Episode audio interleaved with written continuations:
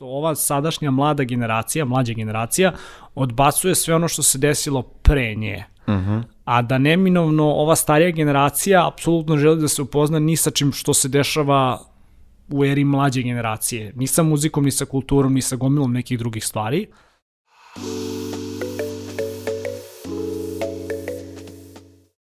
Pozdrav svima i dobrodošli u novu epizodu Netokracije Office Talksa. Moje ime je Marko Tadić i danas ću biti vaš domaćin.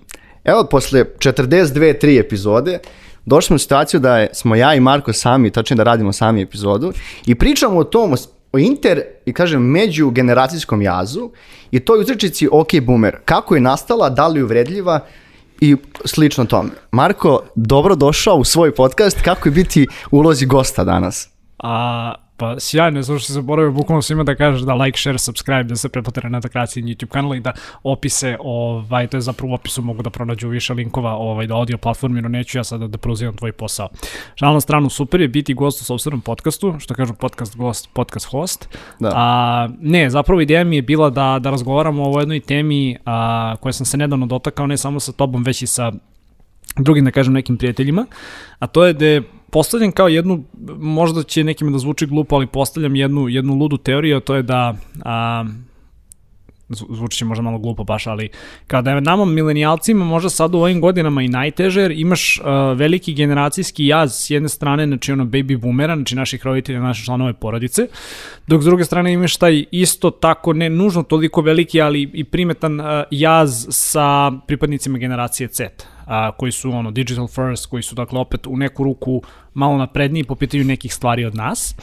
I zapravo ne znam kao ni odakle bih, ni, ni odakle bih otpočeo ovu diskusiju, ali kao razlog zašto danas pričamo o ome, pod jedan zafajlo nam je tema, pod broj dva, a, želim iskreno da kao da pokrenem tu diskusiju o toj nekoj ono namćorosti, namćorosti starijih ljudi, da ne kažem uh mhm. -huh. boomera, I meni je malo uvredljiva ta, ta, ovaj, ta uzrečica, ali ok, stavit ćemo i naslov zašto će to doneti klikove, jel da?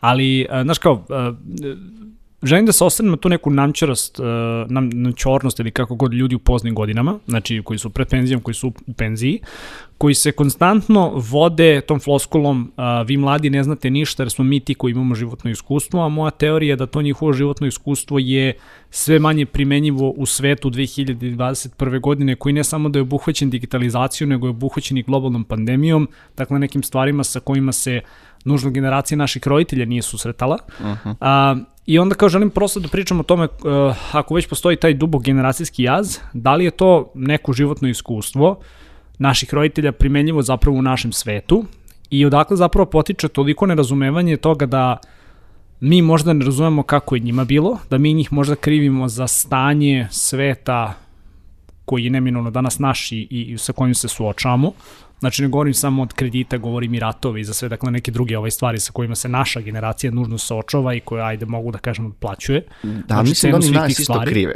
Ono, kako je trenutno doći ćemo, stanje. Doći da. ćemo da. i do toga. A, s druge strane, naš kao, prepostavljam da, da isto tako kao naši roditelji nas krive da verovatno nikad u životu ništa nećemo uraditi, da ne stupamo dovoljno rano u brakove, da uopšte ne mislimo u porodici, da ne mislimo o tim nekim onako ključnim stvarima i, i to je bila neka moja teorija koju sam danas spreman da produbim. Dakle, ne zauzimam nikakav stav, ali kao prosto ono, hoću da pokrenem diskusiju o tome zašto su ljudi stariji toliko ponekada zadrti uh. -huh. i kao da li naša generacija će postati to za 20 godina, da li ćemo ti ja da sedimo ovde za 20 godina da budemo ovaj, voditelji nekog podcasta i da budemo amatori zadrti ili ćemo biti bliži toj nekoj ono budućoj generaciji zato što smo odrasli i stasali u, u, u svetu gde ipak zahvaljujući tehnologiji si možda bliži nekim mlađim generacijama nego što, što su naši roditelji nama. Eto, to je neka moja polazna teorija. Da, dosta opširna polazna teorija. Ajde da krenemo negde od početka od tog OK boomera kad je nastao, šta znači. Negde danas, o, pre par godina je se nekako ustalio termin, znači boomer generacija je, to je generacija koja je nakon to su ljudi koji su rođeni nakon drugog svjetskog rata kao baby, kada je bio taj baby boom prvenstveno u Americi, e, po nekoj definiciji to su generacije između 45. do, 60, e, do nege sredine kraja 60. godina, e, dok su milenijalci koji smo dominantno mi, negde od 81. do 96. nakon 96.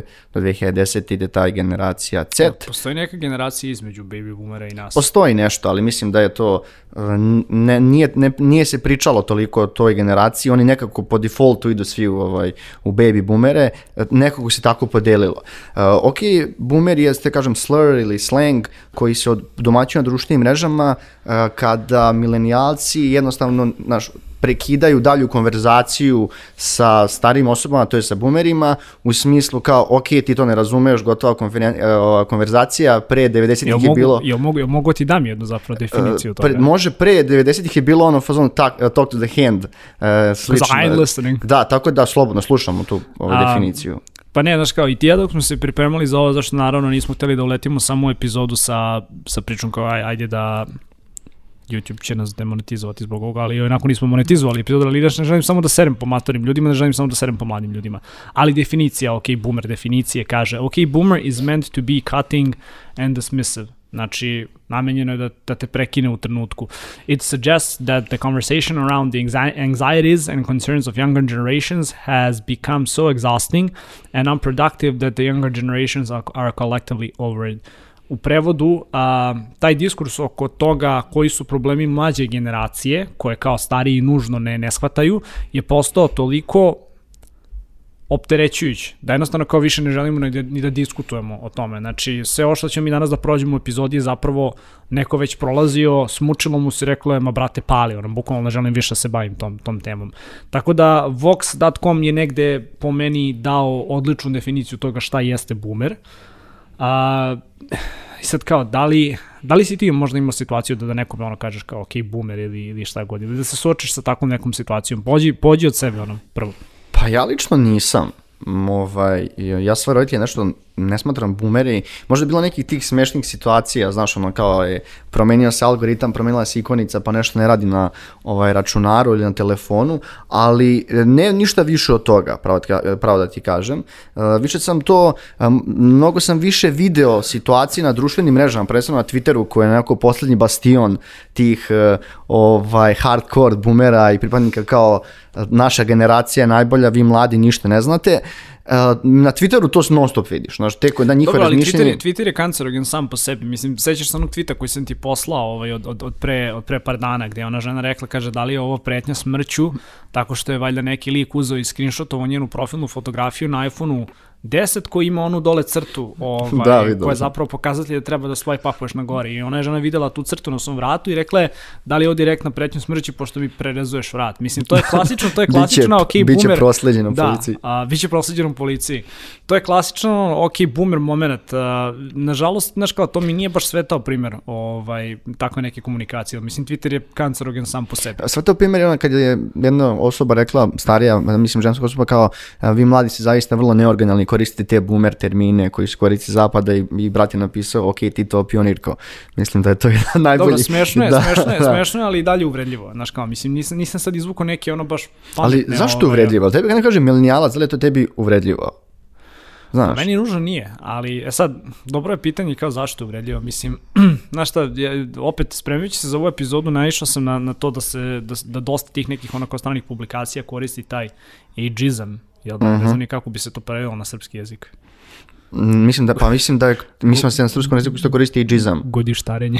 da, ta reč ne postoji. Pitaćemo Milku Canić da, pokojno da. Milku Canić. Pa ne znam. Znaš se smejemo na tu reč.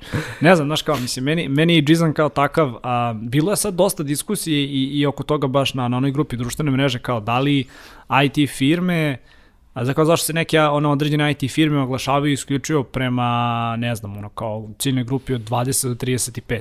To. Sad mnogo, mnogo, mnogo se tu nekih pitanja, pitanja ovaj, ono, kao ubacuje, pa da odmah kao zauzme neki, neki konkretan stav. Ne mislim da je to što firma kao traži ono nekog senior developera ili šta god, ne mislim da treba ono da sobstvene neke resurse ovaj upumpava da traži ono ljude preko 50 ili 60 godina, jer kao procentualno verovatno broj takih ljudi nije visok, ali kao tu ne vidim apsolutno nikakvu diskriminaciju iz prostog razloga zato što ništa ne sprečava osobu koja, na primjer, ne znam, ima 55 godina i zaista jeste senior programer, da se prijavi za tu vrstu pozicije. Jel? Mm -hmm. Samo što je ovako, da kažem, neće možda vidjeti na društvenim mrežama u nekom spozorisanom feedu. Isto tako, s jedne strane, aš kao, ne smatram Delimično smatram da uvredljivo, de- delimično smatram da nije uvredljivo. Uvredljivo je ako takva diskusija apsolutno ne doprinosi ovaj proširivanju ili produbljivanju te diskusije, u smislu da znaš, ono, kao, evo, komuniciramo sada ti i ja na ovu temu, pa da je možda tu neko stariji od nas, neko od naših roditelja ili šta god, sigurno takvu diskusiju ne bih prekinuo na taj ružan način da kažem, ok, boomer. Iz ugla nekog humora, da, smešno je, ali isto tako, znaš, ako bih već došao u situaciju da moram da se da se ono bakćem Mhm. Prosto rečeno sa nekom osobom koja je starija i koja toliko ne kapira nešto što je već ono common sense. Mhm. Poput toga da ne znam kao neminovno je da će se sve stvari digitalizovati ili neminovno je da, ne znam, znači neće sad da ulazim u neke ono dublje teme, znaš kao da, lupno, diskutujemo da je nebo plavo. Nažalost, danas imaš veliki broj ljudi koji bi da diskutujete da li je zapravo nebo plavo. Da li je zemlja ravna ploča, Da li je zemlja ravna da. ploča, da. ne, želim, ne želim da uđem ovaj drugi deo. hashtag, vak, hashtag vakcine.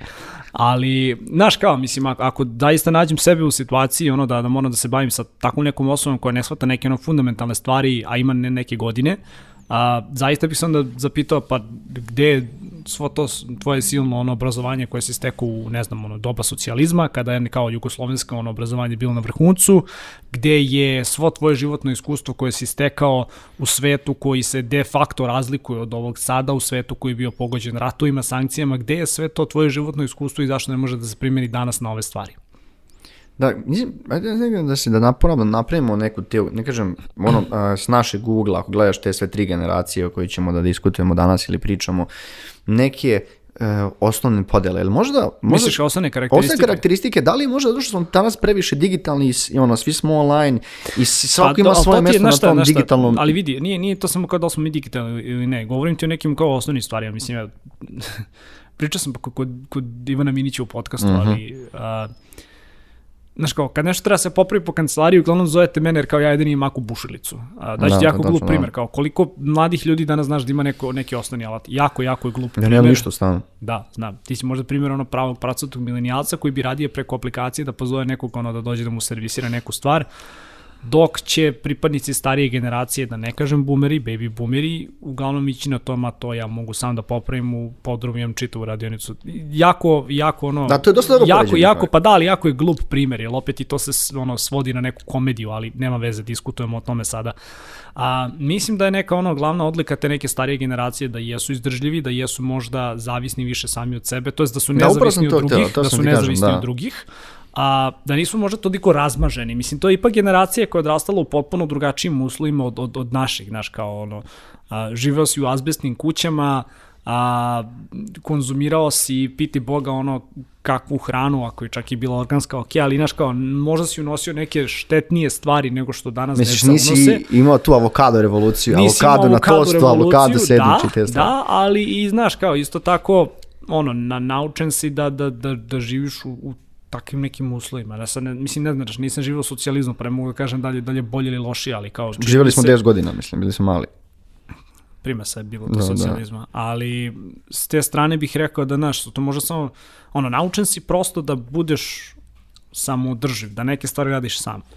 Ova naša generacija, milenijalci, mislim, i, i to je opet jako je komplikovano generalizovati sve te stvari, ali imaš starije ljude koji su ono potpuno otvoreni pa hoće da pričaju sa svom decom pa kapiraju malo više ovaj svet, imaš mlađe koji su sad ono zatvoreni od nekih starijih ljudi.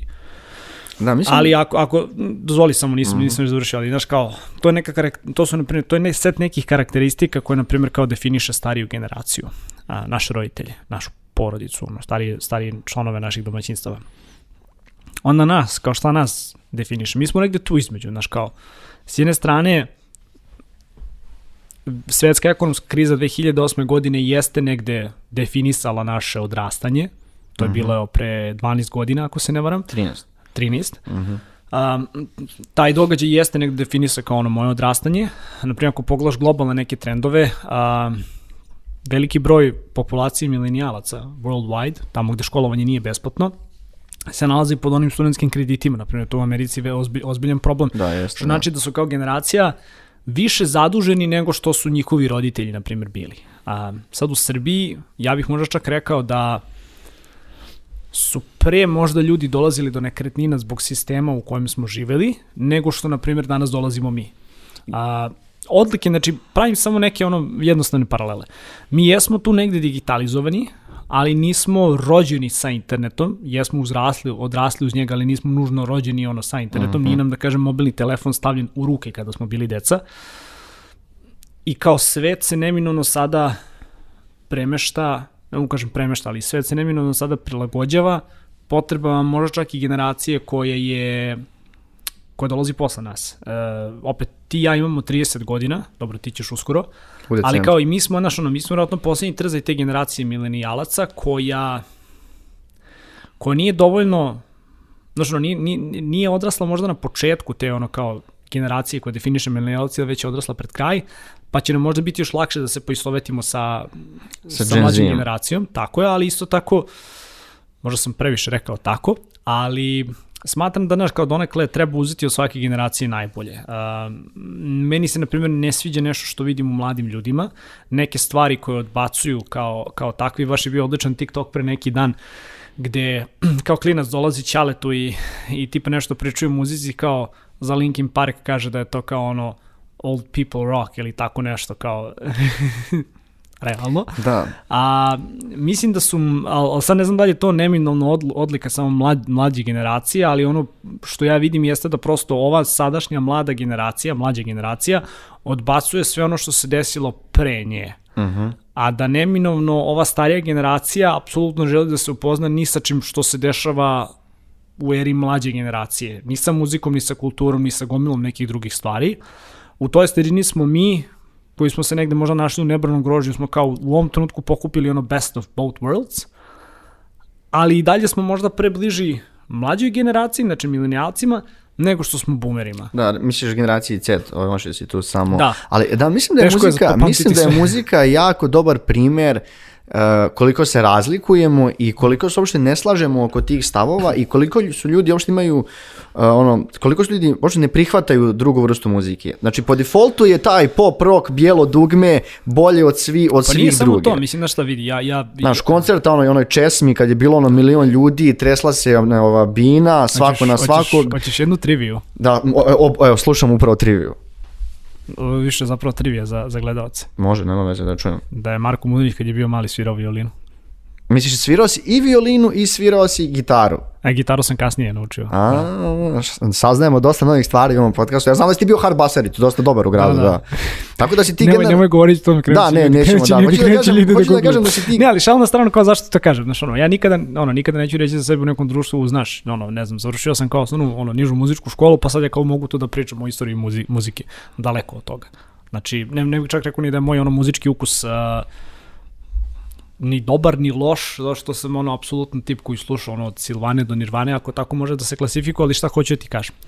Mislim da, da znači ono, ta priča oko, oko muzike i to šta se kome sviđa, šta se kome ne sviđa, da ti, da ti je to neka možda polozna tačka u toj diskusiji zašto se mi toliko razlikujemo i kao, ok, boomer. Da. A, daći ti primjer mog teče koji je ono školovan muzičar, znači čovek koji je ono virtuoso na violini koji na primjer naš ono sluša džez koji takve neke i kao s njim mogu da diskutujemo o tim nekim stvarima, ali onda kada dođe na primjer trenutak da burazer moj ili ja hoćemo da mu pustimo nešto na primjer iz naše generacije, on po automatizmu kaže ma to nije muzika. Znaš kao ono, da mi basevi ono udaraju u glavu ili neki ono house, to nije muzika. Na primjer, znaš ono kao, to je prava on, to je prava prilika da nekome kažeš ok, boomer ili šta god. Misliš za tvog teču elitni da. odredi i ovaj, tipa kako nisu se zove, muzika, da. Jala i brat, kako da. se nije, ja nije Jala brat, nego Buba da. i Jala nisu da. muzika. Nisu muzika.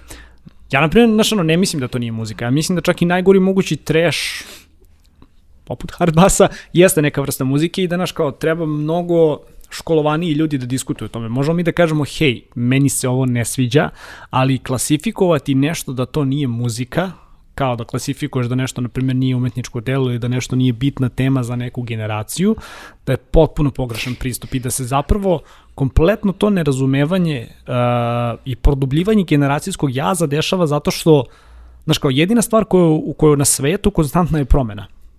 I ako mi ne možemo, ili dok smo mladi ili dok smo matori, da budemo svesni toga, mi ćemo samo da, da, da, ono, da postanemo otuđeni veoma brzo od nečeg novog i bržeg i boljeg što dolazi. Ali Znaš, mislim da kad nešto razmišljam dok, dok te slušam, uh, mislim da su da ekipa iz državnog posla apsolutno najbolji primjer, najbolje odslikala uh, tu međugenera, taj međugeneracijski jaz, jer imamo s jedne strane ovu dvojicu kao matoraca i Boškića koji je negdje naše godište, malo stariji, i ona kao, on je ga naš nespos... Boškić menadžer, menadžer, regla državni Ne, posao, Boškić je da. ono zamjenik zamjenika, znači on je tu A je najniži... ono menadžer, jel da? Na? On On je, je, nešto da, on je završio, da, završio on, da, on neki aj, mega dance, mega dance. I hoću da kažem da on kao, znaš, nesposoban za život i ovi ga konstantno epizodima, znaš, ono, bukvalno se sprdaju s njim, kako su, kako je nekad bilo bolje, kako su bili mladi, kako je nekad život bio sjajan, kako su pre naše preduzeće bilo super, radničke sportske igre, muzika bila bolja, kako je naša generacija skroz drugačija. Da li je, nešto sam palo pamet, da li je, kad već dođeš u neke godine, kad imaš, ne znam, 60, 70, 50 i ti si tvoje najbolje godine su bile između 25 i 35 i ti nekako imaš te uspomeni i čuvaš to i tebi je taj deo života koji si proživeo najbolji. I onda jednostavno vidiš, ono, ne možeš da prihvatiš i već si negdje na, na zalasku karijere, poslovne, života ili kako god, a, i vidiš neke mlade naraštaje koji rade neke nove stvari koje tebi su strane, jednostavno ne možeš da se povežeš sa tim, jer nemaš na način na koji se povežeš i onda po defaultu kažeš, moj, ono, ne znate vi ništa, u moje vreme smo, ne znam, imali ono, korzo svako veče, ludnica, Mile Basta, još bilo je stariji, ne znam šta su naši roditelji slušali, bijelo dugme, čolu i ono, bebe kako svira i to, ta su bili Beatlesi još malo pre Apa, toga. Že- Bonnie M. da, ne, Bonnie je malo kasnije bilo. Želim samo, samo, samo da ti kažem, e, da li je to nerazumevanje, ne, ne kažem, mada generalno te generacije, jer Znaš, te, oni su imali te najbolje godine u tom periodu i mi sad im Al- al radimo buraz, nešto ali drugačije. Imao sam i ja najbolje godine u, u, u mom periodu. Ti si sad kojem najboljim se- godinama. Pa dobro, ali aj, aj pogledaj kad smo izlazili, na primjer, Znaš kao, ja kad sam izlazio, tu je bila akademija, kao to su bili neki poslednji dani akademije, poslednji dani te neke ono Urbane scene. po underground urbane beogradske scene. Mislim, ja sam daleko od nekoga ko je ono i visio po klubovima i glumio ono urbanog lika, realno ja to nisam. Da, znam Ali to, kao, da. ti danas to nemaš. I ne samo zbog pandemije, nego ta neka kultna mesta više ne postoje. Danas je sve hyper komercijalizovano, hyper digitalizovano, gde klinci više ne izlaze na neke, ili možda ja prosto toga nisam svestan, ali znaš kao, ti nemaš više, ili makar do pre korone, ti nemaš te neke ono popularne underground klubove, gde se puštala malo alternativnija muzika, bilo da u pitanju hip-hop, drum and bass, alt rock ili šta god. Prvi srpski drame bez munje. Da. A, znaš kao, nemaš, nemaš takve, takve više ne, neka mesta, nego imaš splavove gde se pušta ono Jala, Buba, Mirza, uh, Koji Mirza, borat? Mirza ima jače davno bilo. neki Mirza, Fox, neki trap, narodnjak. trap, pa da. znaš, nije samo, nije sve trap, malo, malo imaš i te narodnjake, ali neko, znaš ono, nemaš više ta neka mesta, tako da kao vreme moje generacije je realno i možda u tom nekom, naše generacije je možda u tom nekom trenutku prošla. E sad, šta hoću da ti kažem, samo je, je jedna stvar, pošto sam te kao pažljivo slušao. Na Twitteru isto tako nedavno bila diskusija kao, uh, da, kao naši roditelji se sećaju tih nekih lepih stvari, odlaska na more, kolektivno su se možda i više družili, ali to je bilo vreme kada si ti realno išao na jedno mesto na more. Na dva mesta eventualno. Dobro, bila je velika bilo juga, brate. Dobro. tad. A, to je bilo znači ono, je, išao si na jedno mesto na, ovaj, na, na, na letovanje. Na zimovanje ne znam da li si išao. A, sve neke stvari, znaš, kupovao si, kupovao si jedan brend cipela ili dva.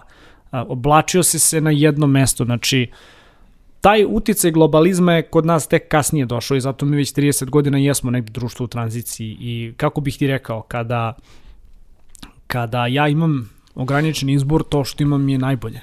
Znaš, vozio si jedna kola. Znaš, mislim, meni, je fascinantna ta, ovaj, ta, ta, taj stav, kao, e, nekada smo mi proizvodili jugiće, nekada smo mi proizvodili ovaj, a, keca, stojadine, šta god, kao, da, imao si fabriku koja je neminovno bila u vlasništvu Države. države Jugoslavije ili Srbije, ne znam ti ja šta god, ali kao, da se ne lažemo, ta kola su bila sranje tih 70-ih i 80-ih, ta kola su bila sranje kada je ta fabrika odumirala. Um, danas jebi ga, vozimo bolja kola. I niko ti nikad ne može reći da, da, da je to bolje. To je ta neka jugonostalgija.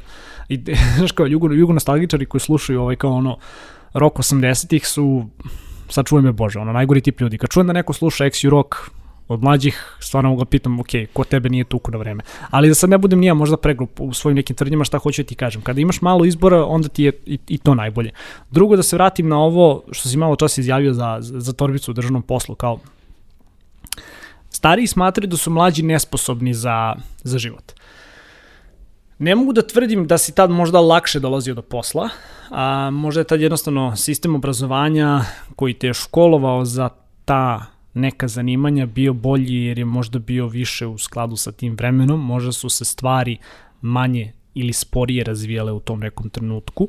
Ti dalje nemaš, na primjer, formalno obrazovanje za community menadžera ili za nekoga ko radi u digitalnoj agenciji. Znači, dalje ne možeš, mislim, ok, imaš sad možda neke fakultete gde učiš neke stvari, ali to i dalje nije na nivou, je ovo uopšte prihvaćeno zanimanje ali je na nivou naše industrije opšte prihvaćeno zanimanje za nekoga ko ulazi u digital. Tako da sad govoriti da smo, da su ono kao, da je naša generacija ili mlađa generacija su one nespremne za život, je možda malo i, i, i licimerno od strane tih starijih generacija, jer kao sve do bukvalno juče je čita taj obrazovni sistem bio u rukama te starije generacije. Uh -huh. A, sve te velike firme koje su propale, m, koje su privatizovane, a, nisu propale za vreme tvoje i moje ono, vladavine ili naših najboljih ono, produktivnih poslovnih godina. Vladavine, propale da. su u doba starijih ljudi, mislim starijih ljudi, kao naših roditelja, naš, ono, njihove neke generacije.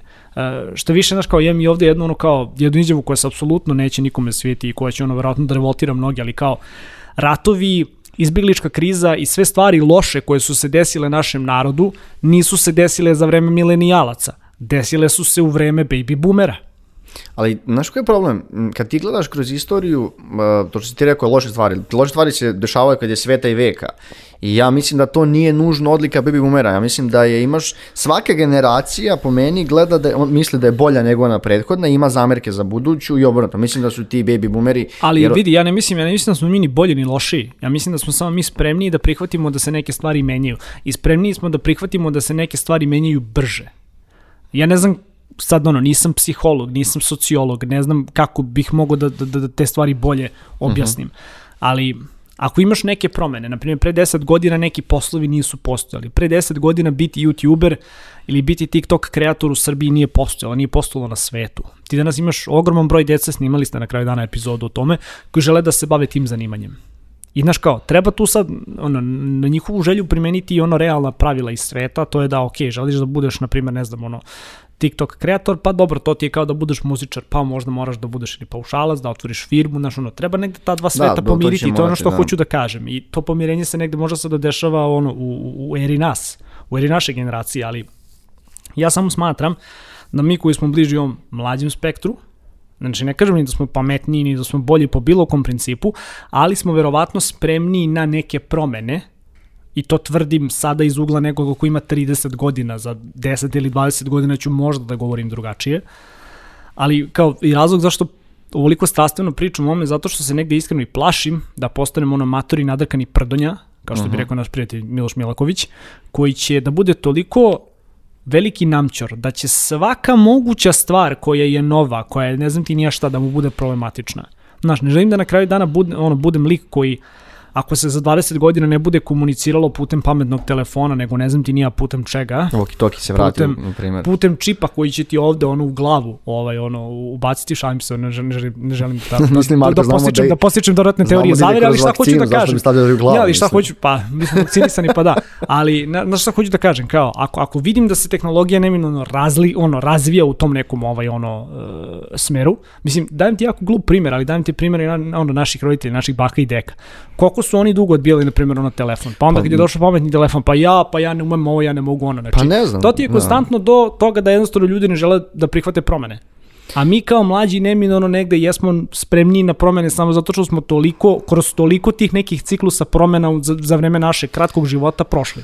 Da, mislim, moj deda ima moj isto telefon i šalje poruke za rođendan, ovaj, um, pozdrav za moje roditelje, Ćale je ovaj, imao Instagram još davno, jer on smatra da je, on voli da kaže da je sebe da je u trendu, što realno jeste, pa onda ima sve te stvari, prode više vremena nego mi na telefonima. A kao, to mi je, to mi je kao respekt za Dragana, jer kao, to mi je, to mi je tip osobe koji, znaš, ono, kao, ja bih volao tako da budem danas sutra sa svojim decom, znaš, da oni mene ne posmatraju kao maturu pardonju ili šta god, i da ja zaista nemam toliko namćero stav prema njihovim nekim idejama i stavim, već ih volao da, znaš, ono, ovakvu diskusiju imam sa njima. Da, ali ja mislim, na primjer, ova pandemija je dosta uticala da se i oni moraju da a, se digitalizuju, pošto mama radi u školi kao profesor sociologije, a, oni su imali situaciju da su sad odjedno morali da prođu, pređu svi ono online i bilo dosta alata koji ljudi ne znaju i koji se treba da nauče vrlo brzo na kratko vreme i pošto je škola to naravno Bogu nije obezbedila, oni su se sami snalazili između sebe i to ste ono, radili su duže, učili su neke nove stvari. Mislim da, da taj nivo odbojnosti prema stvarima, ok, naravno, mislim ono kad si stariji, znaš, ah, stavno što kaže, nije to lako naučiti kad si stari ili ono, mrzite sve, da mrzite da živiš nekad. Pa ću mene većinu vremena danas da. mrzi da ustanem iz kreveta, ali to da. nije izgovor da ne dođem i da ne radim moj podcast. Mislim, dajem ti opet glup primjer. A, uzao sam jednu stvar koja, koja mi se ovde, uh -huh. ne znam, mhm. proći da linkujem ili kako god, nažalost, nemam sad mogućnost da da prikažem taj tweet, ali kao... ćemo to, da. Montažit ćemo, nećemo montažiti. Bill Mayer, ili kako se već zove, piše se B L L Maher, ovaj komičar, glumac, mm -hmm. ne, znam, ne znam sad ni da li ti pokazao video, ali čovjek ima valjda svoj late night talk show. I ovo sam uhvatio na Twitteru, ovaj, neko je retweetovao, ali znaš kao lik imao kompletan segment o tome o tome i džizmu.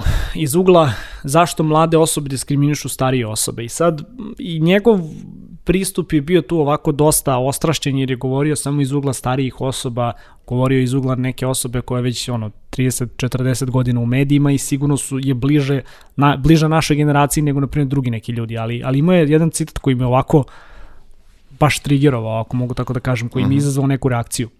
You think someone at 80 years old is hopeless just because they cannot use an iPhone. I onda je naravno tu kao nastavio tu priču kako su ti ljudi iskusni, kako imaju životnog iskustva i kao, da li smatraš da je neko nesposoban ko, na primjer, u 80 godina ne ume da koristi iPhone?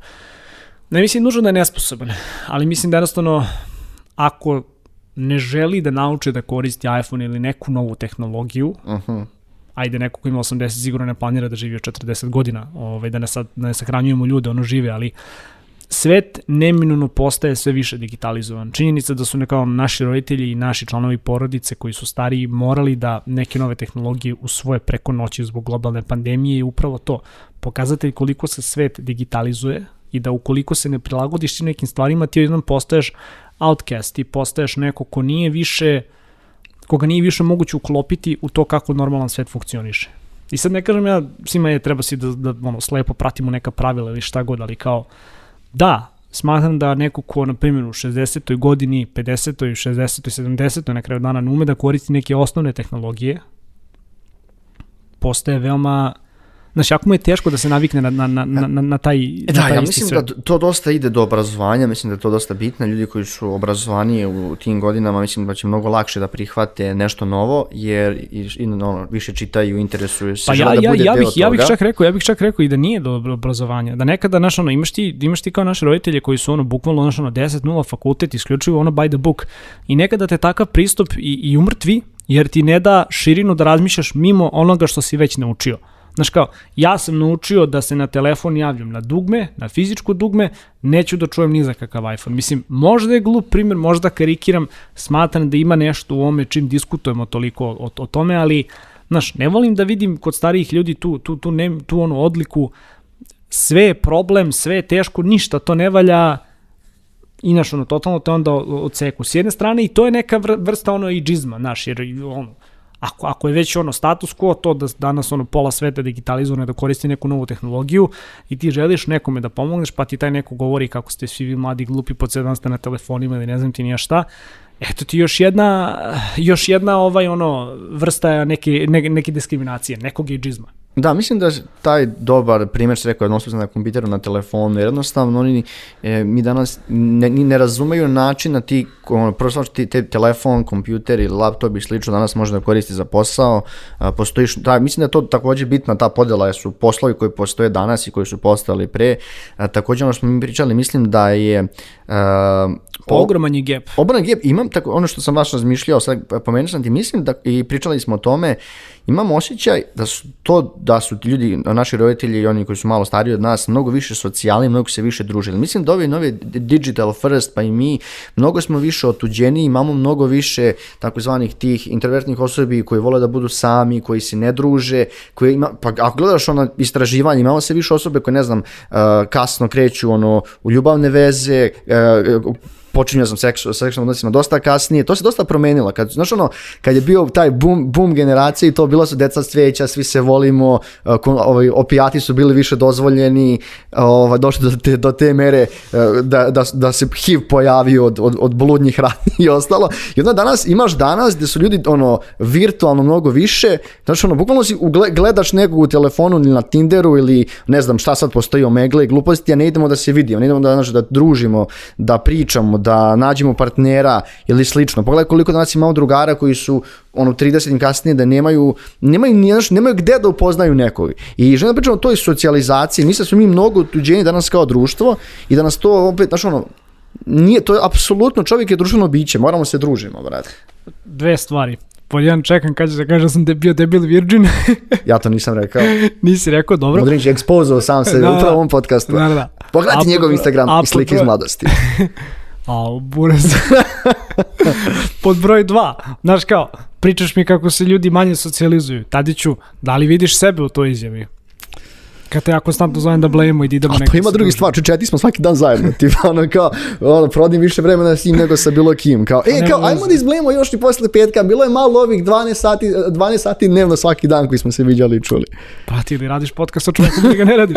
Dajte Ne, ali mi što ga, jednostavno vidi, jeste. Mi se kao generacija manje socijalizujemo, više blejimo na Instagramu, više se dopisujemo, a manje vremena provodimo jedni sa drugima. I mislim da je ova globalna pandemija donekle resetovala to da smo svi sad, možda kao mi milenijalci, shvatili da želimo više vremena da, bor, da, bro, da provodimo u prirodi na opijatima voleći se, šalim se, ali, znaš kao, definitivno se negde jesmo vratili ono korak unazad i rekli, okej, Da li smo se bični? Možda nam je, um, doći ćemo i do toga, ali znaš kao možda smo vratili korak unatrag i rekli ok, ajde da danas ono, se družimo više, da, da sad kada smo limitirani, kada ne moramo da ono, da proživljavamo tu vrevu grada i Mhm. svih tih nekih silnih obaveza ako već svi radimo od kuće, hajde da se više posvetimo, ne znam, možda ono, sobstvenom domu, sobstvenoj kući, sobstvenim nekim ono, ličnim vezama i prijateljstvima, mislim, Jesi rekao da, ono, jesi lepo rekao da mi jesmo socijalna bića, znaš, kao logično da želimo da se družimo, da imamo te neke nezaboravne momente. A, znaš, posljednji put kad smo ono kao izašli sa tim nekim društvom, ono, ja se zaista ne sećam da sam baš ono visio na, na Instagramu, na TikToku ili šta god, a, dok mi prinaš ono, ako si na poslu ili, ili ono, u klonji na kraju dana, logično je da ako vidim neki smešan TikTok ili neki mim da ću ti poslati tebi, nekoj grupi prijatelja ili šta god. A, naša generacija, a i generacija posle nas, jeste tu neku stvar koja je neminovno trebala samo da nam nadogradi naše prijateljstvo, jeste zamenila, znači ono, digital, digital je pojao prijateljstvo u velikoj meri u odnosu na ono što je, što je bilo pre. Da, mislim, I ti je- ja možda jesmo da kažem ono, za, zaista posljednji deo te generacije ljudi koji će znaš ono umesto što, što provode 10 sati dnevno na telefonu da provedu 2 ili 3, lako vidiš na telefonu ono kao koliki ti je daily ovaj daily, daily usage. Znaš kao, preću da dogovorim da blame sa nekim putem te tehnologije da bi izašao s njim da blame. A, I tako da se ne slažem nužno tu da je našoj generaciji danas teško da, da upozna a, Statistika ljude. tako kaže, brate. Pa dobro, ne, znaš šta, ne, ne, ne znam, ne mogu, ne, ne, stvarno nisam gledao nima kakve statistike, ali aj, ajde kao ako želiš da se dotaknemo i toga, čoveče, ako si muškarac i ono kao ako nisi neki predator, pošto nažalost ima i takvih, ako si ono normalno u svom pristupu, imaš platforme, imaš servise, znaš kao, čak i to društvo, ono, putem Instagrama, mislim, ja znam, ono, hiljadu jednog ortaka koji je, ne znam, kod neke drugarice video neku drugaricu, pa kao, hej, ono, možda mi daš njen broj Da. telefona ili da je dodam na Instagram, pa je tu, ono, Da, da, jako da. glupom spikom uletiš u DM, pa kao, evo, znaš, ono, dejtuju se ljudi i danas, mislim, ono, zaista se vole i kao neke, ono, meaningful relationships su izašle Da, iz, iz nije takvih više kao odnosa. pre sedimo i pevamo Galiju na gitari svi zajedno. Ostale Inače, da stvari, znaš da. da, znaš, ja, Ako znaš da sviraš hoće- Galiju, molim, hoće, drsko hoće, je hoće da bude, hoće da bude moj ono coming out moment, ali kao jedan od razloga, jedan od razloga što sam ja krenuo da sviram gitaru, je zato što sam mislio da se to kao devojkama sviđa. A dobro, ti si imao 30 kila viška, tako da to bio problem, verovatno. Ali nema Kada sam shvatio u da. čemu je problem. Body shaming, se stranu. na ovo upravo Da, na da, da. ovoj izjavi. Ne, ne želimo, ne, Sva tela želi, ne želimo mi nikoga da šimamo, ali znaš, na kraju dana, mislim, šalim se sa samim sobom, znaš, kao, koga Da, ću da kao, da. ako, je, ako je društveno neprihvatljivo da šejmujem samog sebe, Mm. cancelujte ovaj podcast. šalim se, nemojte. A, ne, još samo hoću da kažem. A, znaš, opet, e, jeste da je pre da su pre ljudi možda se više družili. Zašto kao nisi imao mobilni telefon pa da kažeš ajde se nađemo na korzu ili ajde se nađemo na trgu da zablejimo ili šta god. Mislim, ja se sećam, a, moj burazer, stariji, znači od tetke, uh -huh. Ivan, ovaj, moramo pošaljemo ovu epizodu, mislim da je ovo prvi put da ga pominjao, znaš kao čovjek ima 36 godina, uh -huh. matur je više on ko Biblija, ali znaš kao, ja se sećam kad je on meni pričao priče, kada on bio tinejdžer, znači to su bile tipa 90. Kad je Linkin Park bio popularan. Da, da, kad je Linkin Park bio mega popularan. a, znaš kao, pa ne, zapravo Linkin Park je bio mega popularan u naše vreme. Znači, jest, u njegovo jest, vreme jest. je bilo još pre toga. Znači, Linkin Park kad je on već ono izlazio iz tih nekih tinerijskih dana, možda da. tad Linkin Park ono krenuo da, da, da, da doživljava svoj neki ono najveći prostat. Ali šta hoću ti kažem i zašto, zašto pominjem njegovo ime i njegovu priču. Znaš, kad izađeš na primjer da se vidiš nekom novom devojkom u današnje dobe, ti pustiš poruku, cimneš je na Whatsappu, na Viberu, na Instagramu, gde god, na Snapchatu, TikToku, znači gde god možeš da je pošalješ poruku. Uh mhm. -huh. Druže, tad je bilo, ti je zoveš telefonom na kuću. Uh mhm. -huh. Ne čak i mobilni telefon, nego zoveš i telefonom na kuću. Znači pre SMS-ova, pre mobilnih telefona. Uh -huh. Bob Burazer, koji, koji danas ima 36 godina, se seća perioda gde si ti zvao devojku na kućni telefon. Da, ima ona I da pitaš kao dobar dan, da li je lupa Marija tu. Da, ima ona fora da ovaj, kad na, bio je popularan video kad daju ovim e, klincima onaj telefon, znaš, mobil, ovaj fiksni koji je ono što se ja, morao ali to, da... Ali to je ono što hoću ti kažem. Znaš, ono ja sad zato... kao kako ne znaju kako su ovi klinci. Ja, ali ja baš, ono... zato, ja baš zato mislim da su mi ono da kažem ta sjajna generacija. Ovaj, Između jednih i drugih. Prvo, ja znam da. kako se koristi rotacioni telefon. Da, je isto, da. Znaš, zna, znam čak i da ono zamenim sjelicu što bi ovaj kao naš ono boomeri rekli, ja pa kao vi ste generacija koja ne zna ništa da popravi. Dobro, znam ja znam. Znam da uradim mali da. servis na kolima, na primjer. Znam da zamenim gumu. Znam tako te neke stvari, ali kao roditelji su me naučili. Nisu dozvolili da budem ono budala. Nisu mi dozvolili na kraju dana da provedem ono 20 sati na telefonu. A baš zato što kao nisam providio 20 sati na telefonu ili na kompjuteru, ja možda danas nisam postao programer, nego se bavim mojim poslom koji se bavim. Da, diskutabilno je to, diskutabilno je, da, ne da bože, dobro da nisam postao plesač, ali, znaš šta hoću ti kažem, znaš kao, nije nužno loše da neko provodi 20 sati ono dnevno za računarom, ako će nešto iz toga da napravi. Mislim da, da, da, da je deo ove diskusije se vezuje iz, iz onu diskusiju što, ovaj, što smo mi spominjali pre, ono što, koju ste vi zapravo imali pre određenog ono vremena, ali to je, znaš kao, imaš te neke nove, imaš te neka nova zanimanja, koja a, realno nisu postale pre 10 godina i ako današnji klinci žele da se time bave, na roditeljima, na nama starijima kao ono, generaciji pre, jeste da im možda i pomognemo da shvate ono s, sve moguće aspekte bavljenja tim poslom, uh -huh. a da mhm. nadpisujemo u startu kako je tako nešto loše. Znaš, mislim, to ti, to ti primjer one, one tiktokirke koja je dolazila ovaj, u školu Obrenovac da, da tipa priča ovaj, o, o, o ne znam, o TikToku. Yes, Znaš kao, yes. mediji u Srbiji su je odma ono,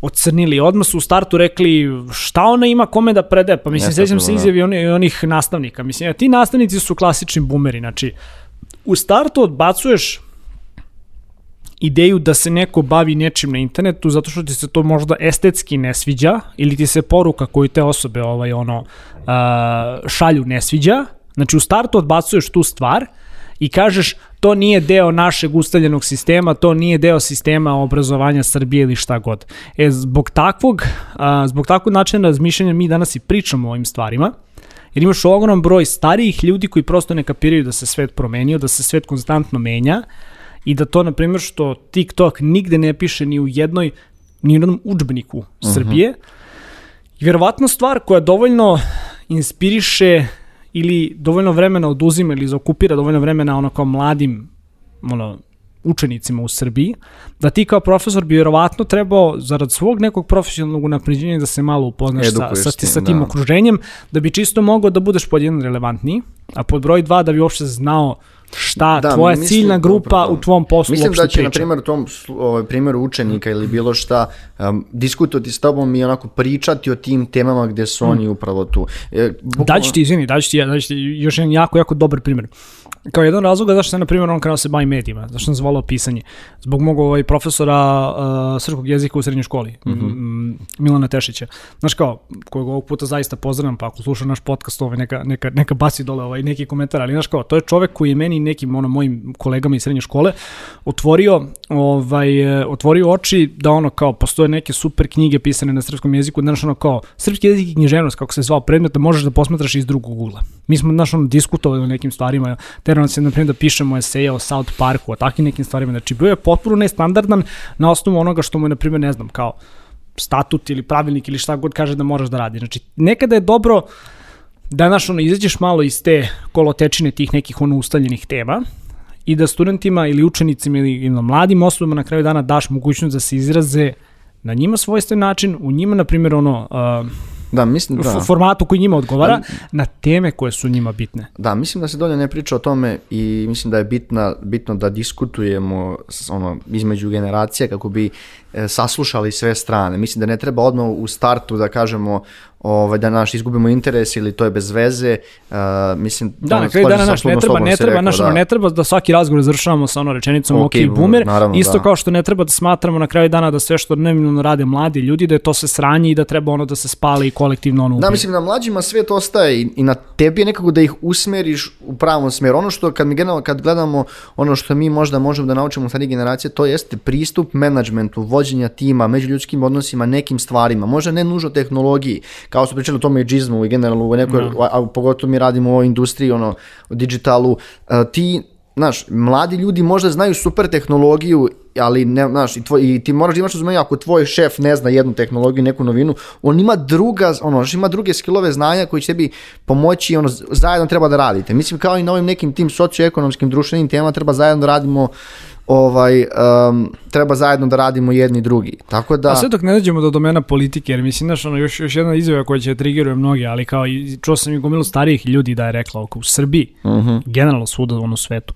Ja ne bih dao ljudima starijim od 55 godina da se baje politikom. Jednostavno, dobro, jednostavno je... ne bih. Znači, na stranu kompletno iskustvo, ti u 55. godini si već formirana ličnost. Da, 65, od 65 ne, ne, ne, 55. Ne, to mislim 55, da ne. 55, mrtav ja, sam ozbiljno. Da, Trump, ali... ima sad, Trump ima 60 nešto 70 godina kada je došao na vlast. Znači, pa i ova ima ljudima, sad starijim, pa ljudima starijim od 55 godina ne bih dao da se baje politikom. Ja znači da, na primjer, u 40. godini možeš da uđeš u politiku ili u 30. Uh -huh. ili kada god, do 55 što si radio, radio si. Ne možeš se baviti više ni jednom onom government health funkcijom. Ali to mislim da je to problem. Tiče politika, ozbiljna stvar, već smo pričali i ta letargičnost milenijalaca koji hoće da menjaju i generalno mi nešto da protestujemo, menjamo svet na internetu. U, pa Koliko evo ti primjer, izvini, evo ti primjer, da evo ti primjer freelancera. Znači freelanceri su milenijalci, ima čak yes. možda i neki mlađi na poslednjem ovom protestu. Mm -hmm. Znači, ne želim uopšte da ulazim u diskutiju šta ja mislim o da, freelancerima, okay. zašto mislim da, dobro, okay. da, da ni se nisu no, ni dobro borili, ni, ni, ni čitav taj diskus. Mi smo išli u, u Poresku, pa smo im ono, na šalter dolazili i pitali ih, znači sve to pada u vodu. Mm -hmm. Ali eto ti možda i tu dobar primer, znaš, kao, ja ne znam, možda naši roditelji to znaju, ali a, kada se obraćaš državnoj instituciji, mm -hmm. ti ne možeš da dođeš na šalter i da pitaš ja došao. Mm -hmm. Pišeš zahtev, dva, dva ali, primerka sa pečatom ali, primljeno, da ti imaš na kraju dana pred nekim sudom, pred nekim državnim organom da pokažeš da je, da je neko zaista primio tvoj neki upit. To ti je nužno, možda odlika naše generacije, što mi želimo neke promene, ali želimo iz fotelje. A nekada je možda i potrebno izaći na ulicu da. i na taj poslednji protest freelancera gde, uh -huh. gde su ono sami rekli iz ovih udruženja da je došlo tipa koliko, 40 ljudi, uh -huh. pa su se kao usmeno Jednostavno da je to okay. je, spalo je to interesovanje Znaš, kako mislim, ide vrijeme. Ako već imaš da. u Srbiji 100.000 freelancera, da. koji su ono mlađi, znači milenijalci. I vidite da se neminovno dešavaju neke promene koje, koje menjaju vas. taj sistem u kojem ste vi do sada poslovali, ili ga još bolje definišu ili konačno kreće da se primenjuje taj zakon. Zašto onda sediš kući i, znaš, ono, kao u Facebook komentarima se svađaš? To je odlika naše generacije koju apsolutno mada, ne smatram da je dobro. Mada mislim da je ja to se slažem, ali mislim da su oni na, i čak i ok se organizovali kakvi situacije ima i kako neki žele da promeni, ništa ne rade. Oni su čak i uradili nešto, evo sad se dogovorili posle šest meseci, ali znaš, imaš mnogo situacija gdje jednostavno hm, ne zanima me. Znaš, ono, Pa dobro, ljude generalno danas ne zanima ništa što što, što nije nužno za nas, što nije nužno za njih. Tako, ali da li ali to pogrešno? Ali ovdje si imao, pa vidi, brzina ovog sveta, mislim da to nije kao pod jedan deo ove sada diskusije. Ali to jeste boomer, odlika boomera milijanaca. Pogledaj, pogledaj pa naši roditelji kasnije, oni su protestovali 90-ih, studentski protesti, ono, ozbiljno... O, ne, oni su, oni su imali jedan, oni su imali jedan zajednički cilj, a to je bilo da, znaš, ono, kao, želeli su da skinu Miloševića s vlasti. Aj, da, imali su, da, želeli su neku promenu, znači, želeli su promenu u smislu šta god da se desi bolje od ovoga što je trenutno. Ja mislim da kao u Srbiji pod jedan, u ovom trenutku to nije tako pod broj dva, ti ovde ne možeš da imaš kao ono krštenu poziciju pa da te neko Ne predstavlja, pričam, da, nećemo jasno, sad da. dolazimo u politiku, ali znaš šta, ja, ja se apsolutno ne bih složio sa tvrdnjom da su, da, znaš ono, da, da su naši roditelji bili a, društveno odgovorni ili društveno svesniji po pitanju nekih stvari nego što su mi danas. Ja mislim da je taj a, da je ta odlika u ljudima, evo, evo jedna zajedničke niti. Ta odlika da te boli ćošak Mhm. za sve druge osim za sebe kada su takve neke društvene teme u pitanju, pa to ti je odlika srpskog društva jedan kroz jedan. Ja mislim da je to više odlika srpskog društva nego odlika generacija. Ali odlika, ono, odlika svih ljudi u srpskom društvu. Da, ma da opet moramo da kažemo da su deo, naši... eto ti deo za intro. Da, naši, naši roditelji stvarno tih 90. godina ono, od sankcija, ratova, krize, Ne, njima, njima čekanja pre u svega, redu, znači, to... čist, znači, ko sluša ovaj podcast od početka do kraja, od- odmah, znači, ono, da, da kažem, Našim roditeljima svaka čast. Znači, uspeli su da nas očkoluju, da nas izvedu Da. na pravi put, da probaju da nas ništa, kako na, ništa na kraju dana izvedu na pravi put, u uslovima gde si ima znači, ono, ogromnu inflaciju, ogromnu ekonomsku i finansijsku Jeste, da. nestabilnost. Znači, ono, na nama je sada, naš, kada smo već došli, izdigli smo se na nulu, znači izdigli smo se na površinu, na nama je sada da napravimo nekakvu karijeru. Ali Da, isto upravo tako, znaš, kao, ako su nas već ono, na leđima izneli do te neke početne tačke, do tog nekog vrha na neku ono površinu, ne možemo mi nužno svaki njihov savet uzimati zdravo za gotovo kao da je to tako. Pogotovo nekada su u pitanju biznis ili druge neke stvari. Još ako ste, na primjer, roditelji radili u državnim preduzećima i to, mislim, neko kome su roditelji radili u državnom preduzeću ne može ti priča o preduzetništvu. Da, to, to jeste tačno. Dobro, ne treba da uzimamo sve, ali ne treba ni da odbacujemo. od ovoga ne treba da odbacujemo, ali znaš, isto tako, ti, ti ovaj, roditelji, Mhm. Trebaju nekada malo više da slušaju nas. Pogotovo što mi sada naš ono dolazimo u godine kada naš ono ćeš se polako starati o svojim roditeljima, tu je blizu penzija, Mhm, znaš, mislim da. nešto. Zaista je pitanje šta će od, toga svega da, Da, mislim, bude. i, i bilo, je to sad, možemo pričamo da sutra da je čak Zuckerberg rekao da su kao mlađi ovaj, pametniji, ali ovo kad je došao već u 38-40, onda odjednom mi nije baš tako, ali hajde, ovo, imaš, pošto imamo već pričam, pričam 50, 50 minuta, da li Pa imaš nešto što da... da... smo ga produžili. Pa nemam ništa, mi manje gledam, gledam svoje talking points. Znači ono, treba nam, makar u politici, više mladih ljudi sa svežim idejama. da. Rekao sam da ono svakome ko ima iznad 55, ono da ne treba se bavi politike, do duše, kada gledaš ovaj, a, da nam treba više mladih ljudi sa svežim idejama, mislim zapravo mladih ljudi koji su actually ono sposobni nešto da urede ne kao botove koje sede po skupštini. I to je to. Ne bih iskreno ništa ovaj, dalje a, ono dopunjivao na ovu temu, osim da mi je kao jako drago što smo imali danas ovu diskusiju, jer stvarno mislim da je tema o kojoj se ne diskutuje ono, apsolutno ne kao ni, ni približno dovoljno. I ne znam, ono, ukoliko ste milenijalac, Gen Zijevac ili Baby Boomer, a gledate ovu epizodu, javite nam u komentarima i vaše mišljenje, pa čak i ako želite da nas napljujete, jer kao i to je okej. Da, da, naravno. Ja ću samo da kažem da ovo, svaka generacija ima svoju muziku, tako da nemojte se ono, prepirati na društvenim mrežama oko tih nebitnih stvari. Ovaj, hvala, što, hvala vam što ste nas slušali. Još jednom vas pozivam da lajkujete ovaj podcast, da se preplatite na naš YouTube kanal, Spotify, Deezer i ostale streaming platforme, a mi se već vidimo u sledećoj epizodi jer ja vodim i narednu. Sve najbolje. Ćao.